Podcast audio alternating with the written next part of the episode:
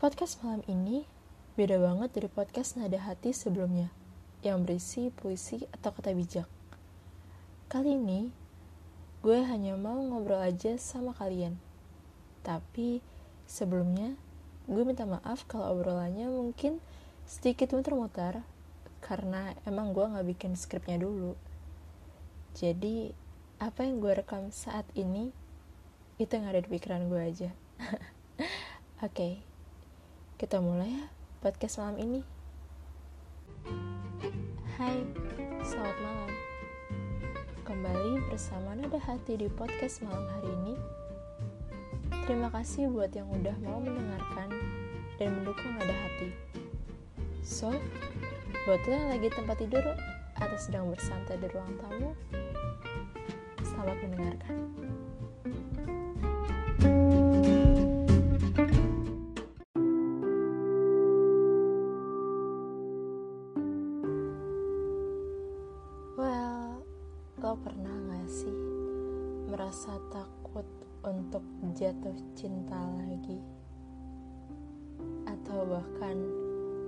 Sampai takut untuk kenalan sama orang baru? Hmm, mungkin bagi sebagian orang akan menganggapnya aneh. Kayak, kenapa harus takut jatuh cinta? kenapa harus takut untuk kenalan sama orang baru ya buat orang-orang bertanya-tanya juga gitu tapi sebenarnya itu nggak aneh.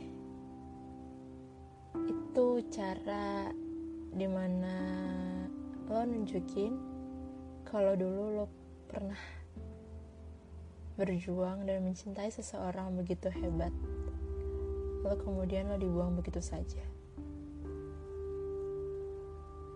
Sebenarnya itu hal yang wajar. Kalau akhirnya membuat lo takut buat jatuh cinta lagi menurut gue bukan takut untuk jatuh cintanya tapi lebih ke lo emang gak mau aja buat mengulang rasa sakit itu untuk yang kedua kalinya. Karena jatuh cinta itu indah. Karena jatuh cinta itu indah dan ya lo cuma takut aja buat mengulangi kesalahan yang sama yang akhirnya membuat lo menjadi begitu hancur.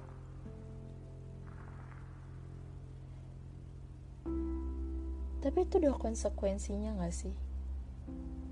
Kayak semua orang juga tahu gitu. Ketika lo memilih untuk jatuh cinta ya lo harus siap menanggung resikonya kalau enggak bahagia ya patah hati. Kalau enggak lo bersyukur sama Tuhan terima kasih Tuhan karena saya sudah dibuat bahagia. Kalau enggak ya lo mohon ampun buat disembuhkan dari patah hati itu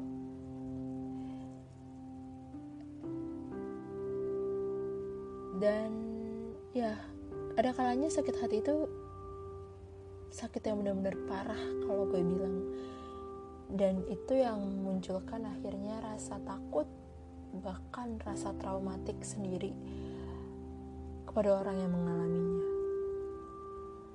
Beberapa dari orang yang gue kenal, by the way, mereka bilang sendiri kalau mereka takut untuk jatuh cinta lagi. Mereka takut untuk memulai suatu hubungan yang baru. Terus mereka juga istilahnya kayak males buat melewati fase-fase dalam hubungan yang bahagia berantem nanti diam-diaman mungkin nanti ada break di tengah-tengah perjalanannya gitu atau fase sebelum hubungan yang kenalan hei boleh nggak kenalan atau terus habis itu uh, PDKT terus nanti ghosting ghosting terus ngilang lah atau akhirnya menjadi komitmen gitu. Itu beberapa dari orang yang gue kenal mereka takut untuk seperti itu gitu. Tapi lebih uh, mereka lebih bilang bahwa gue takut kalau rasa sakit yang gue alamin sebelumnya itu terjadi lagi gitu. Sebenarnya rasa sakit itu akan terus ada gitu. Ketika lo memutuskan untuk jatuh cinta ya rasa sakit itu pasti ada gitu. Nggak mungkin bisa lo cegah karena jatuh cinta itu pilihan. Lo bisa nggak jatuh cinta. Ya kuncinya cuma satu jangan membawa perasaan lo dalam suatu hubungan yang ya yang nggak jelas dengan orang yang nggak jelas. Itu pilihan lo sih sebenarnya. Dan itu juga yang akhirnya memutuskan lo buat lo akan jatuh cinta atau enggak gitu. Um, gue mau cerita. Gue punya teman sebut saja dia ini siapa ya? Um, Keisha. Keisha. Keisha ini uh, dia pernah pacaran tiga tahun sama cowoknya dan mereka beda sekolah. Mereka memang tidak pernah satu sekolah. Mereka bertemu di suatu kegiatan lalu ya tadi yang gue bilang akhirnya ada kenalan PDKT gitu. Dan akhirnya membuat komitmen. Hubungannya awal-awalnya tidak baik. Maksudnya di awal hubungan tuh mungkin ada yang bilang eh, mungkin banyak sebagian orang yang bilang bahwa awal-awal pacaran tuh awal-awal yang indah gitu. Tapi si Keisha ini enggak Keisha ini sama pacarnya yang dulu itu awal-awal hubungan mereka itu tidak baik kayak sering berantem sering cowoknya juga sering hilang gitu dan akhirnya Keisha coba memutuskan untuk tetap bertahan. Dia percaya bahwa setiap orang pasti akan berubah. Dia selalu bilang kayak gitu. Dia cerita sama gue, dia selalu bilang kayak gitu. Dan um, oh ya, gue udah minta izin sih sama orangnya untuk menceritakan tentang dia karena uh, eh, gue terinspirasi banget sebenarnya gue membuat podcast ini gue terinspirasi dari Keisha ini gitu oke okay, lanjut ya dan akhirnya setahun berjalan terus dua tahun dan dua setengah tahun itu hubungan mereka baru benar-benar baik. Di situ lo bayangin aja si Kece ini pacaran tiga tahun. Setahun pertama ketemu cuma sekali uh, ketemu cuma dua kali itu sebelum pacaran. Dan sesudah pacaran dua kali itu setahun pertama. Terus yang kedua tahun cuma ketemu sekali. Dan baru yang dua setengah tahunnya mereka akhirnya bertemu lagi untuk yang ketiga kalinya dan negara terus menerus ketemu sampai tiga tahun lebih.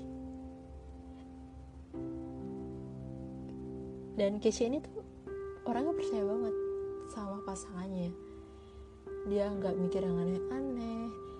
Dia pokoknya dia percaya banget lah gitu. Cowoknya itu nggak akan pernah nyakitin dia yang sebegitu nyakitinnya gitu. Ya walaupun cowoknya ini sering hilang-hilangan tapi setidaknya nggak lebih dari itu gitu. Akhirnya um, setelah tiga tahun lebih berjalan tiga tahun dua bulan. Hubungan mereka dicobai cowoknya ketahuan selingkuh. Gue denger cerita dia kayak oh my god gitu. Gue paling paling apa ya? Gue paling sensitif banget kalau denger kata cheating atau selingkuh kayak ah please nggak usah dibahas. Itu tuh cuma nyakitin gitu dan ya cowoknya ketahuan selingkuh.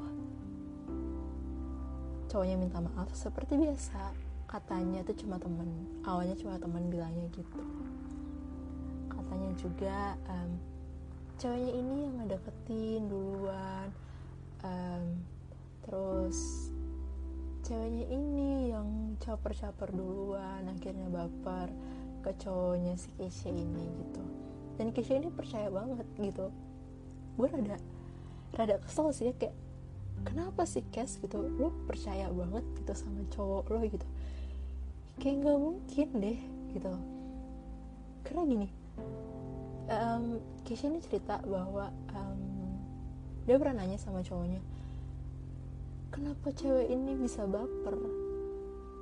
Kamu pasti melakukan sesuatu karena cowoknya cuma bilang enggak aku cuma bersikap biasa aja. Terus dia aja baper terus gue di situ kayak emosi. Ngedenger Keisha cerita kayak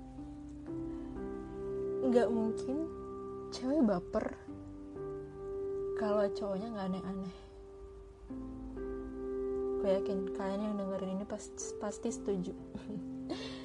Dan ya setelah itu Keisha ini tetap percaya cowoknya minta maaf cowoknya bilang mau menjauh dari selingkuhannya ini tapi makin lama kok makin gak bener makin lama makin dekat terus makin lama makin jadi si Keisha ini melihat kan. Dan ternyata bener mereka udah jadian satu bulan di belakang Keisha gue pas denger Keisha cerita itu kayak seriusan Kes seriusan? Mereka udah jadian satu bulan di belakang lo. Dan cowoknya nih ngaku kalau emang dia pacaran sama orang ketiga ini. Dan gue kayak oh my god gitu.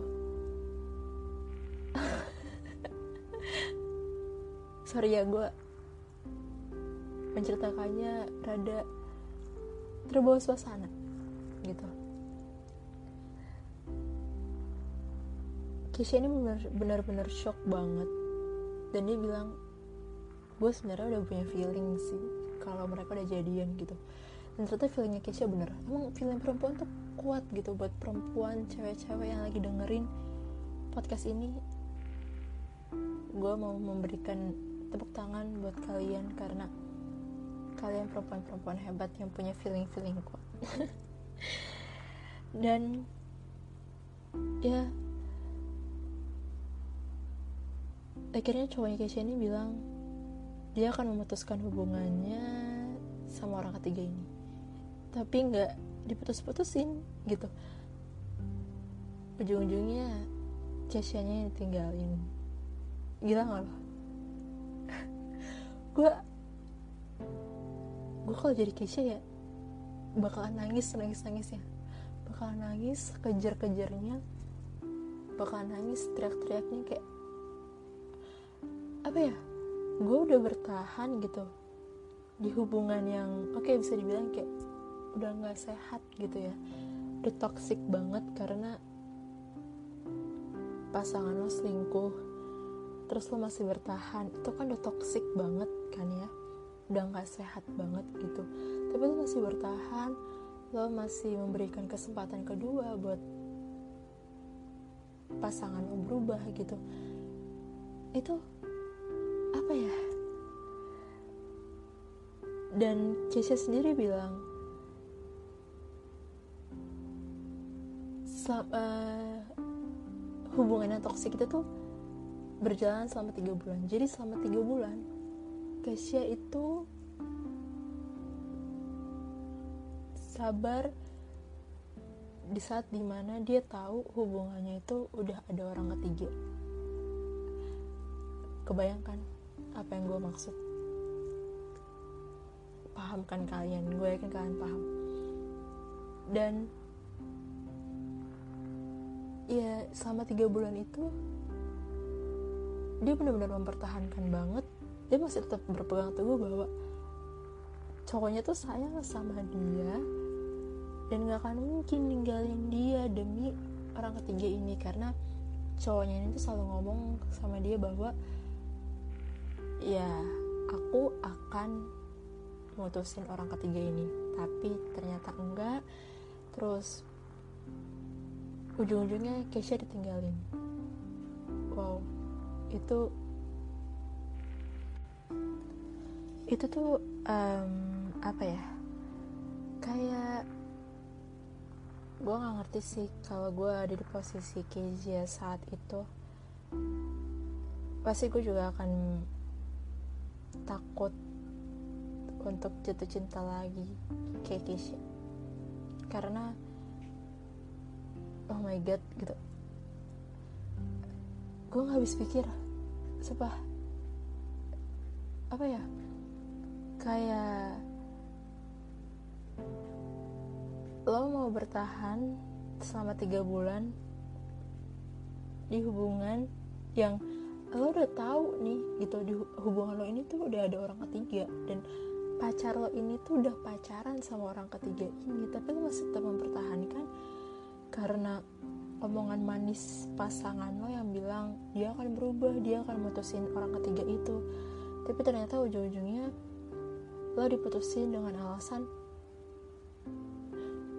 udah gak cinta udah gak sayang udah gak punya perasaan gue salut sih sama Kezia. By the way sekali lagi ya Kezia ini nama samaran. Jadi ya orangnya yang asli bukan Kezia namanya gitu. Dan wow gitu. Dia tuh mau bertahan selama tiga bulan di hubungan yang sehat itu gitu. Karena dia selalu percaya sih setiap orang itu berubah. Nyatanya pacarnya dia nggak kayak gitu.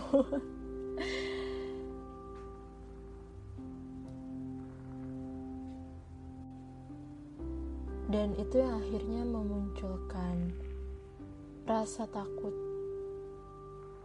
dari dalam diri Kezia sendiri. Bahkan dia kalau membaca atau sekedar mendengar tentang hal-hal cheating atau perselingkuhan itu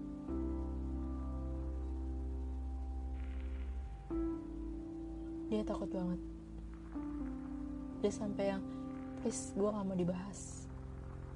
Segitunya dan itu yang membuat dia takut juga untuk jatuh cinta lagi. Bahkan dia sampai lupa rasanya jatuh cinta tuh kayak gimana gitu. Kalian bayangin.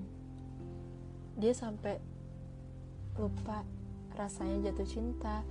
Dia sampai lupa rasanya apa ya berbunga-bunga saat jatuh cinta. Karena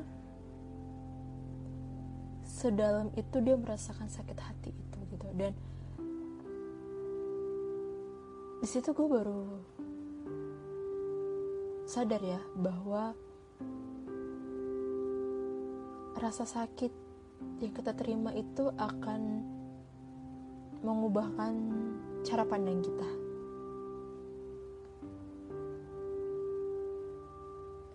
Karena gue belum merasakan, gue belum mengalaminya juga yang benar-benar sakit, tapi gue pernah ada di titik bahwa gue takut untuk memulai suatu hubungan yang baru karena gue takut untuk disakitin lagi gitu. Bukan gue takut gue bukan takut jatuh cinta lagi tapi gue lebih takut untuk memulai suatu hubungan yang baru. Karena ya tadi gue bilang gue nggak mau rasa sakit itu muncul lagi gitu. Tapi gue mau jatuh cinta tapi mungkin untuk membangun suatu hubungan yang baru gue nunda dulu gitu. Tapi Kezia ini dia takut untuk jatuh cinta. Dia takut untuk kenalan sama orang baru. Dia takut komitmen dia takut memulai hubungan yang baru itu yang akhirnya membuat kita semakin yakin gitu bahwa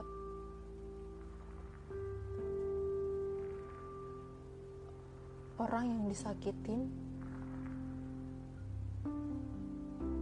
ketika dia sembuh dia nggak akan pernah sama lagi kayak hati yang udah dihancurin itu nggak akan pernah bisa kembali sama kayak dulu lagi. Pasti akan ada bekas-bekasnya yang mungkin susah buat disembuhkan atau mungkin susah untuk diobati bahkan gak bisa diobati gitu. Dan KJ ini ada di posisi di mana bekas lukanya ini sulit untuk diobati karena saking menyakitnya eh saking sakitnya gitu. Gue sampai salah ngomong. Itu hal yang wajar. Alasan yang wajar kenapa Keja akhirnya takut untuk jatuh cinta lagi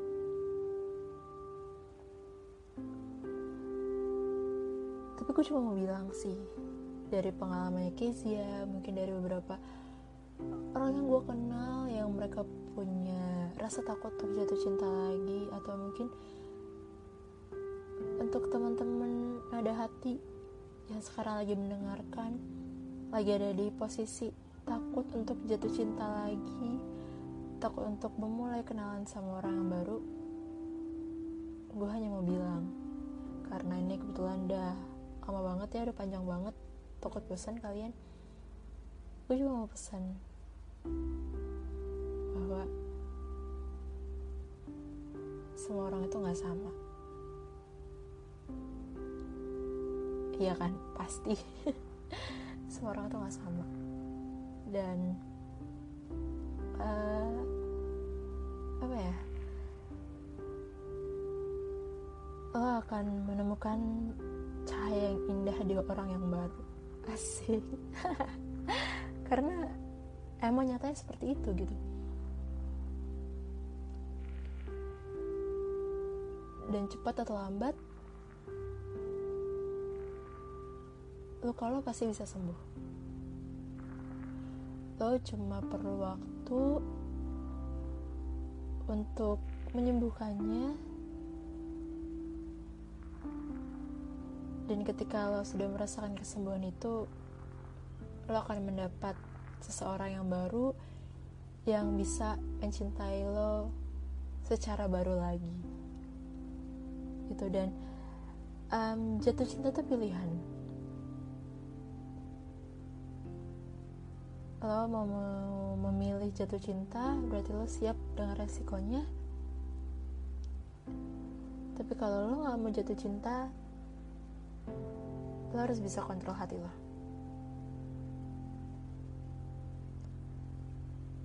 Gue cuma mau bilang juga jangan jadikan masa lalu menjadi penghambat untuk orang yang baru datang. Karena lo gak akan bisa dapetin kebahagiaan selama lo masih menyimpan luka masa lalu. Masa lalu dijadikan pelajaran bahwa lo pernah seperti itu di saat masa lalu. Lo ya masa depan lo nggak boleh kayak gitu. gitu karena percayalah Tuhan tidak akan pernah membiarkan lo merasakan sakit hati yang sama. Akan ada sakit hati-sakit hati yang baru yang akan lo terima. Karena itu hidup. Jadi buat lo yang lagi merasa takut untuk jatuh cinta lagi karena masa lalu percintaan lo yang begitu menyakitkan semangat terus. Lo harus bisa bangkit. Jangan jadikan masa lalu lo sebagai penghalang untuk orang yang baru datang.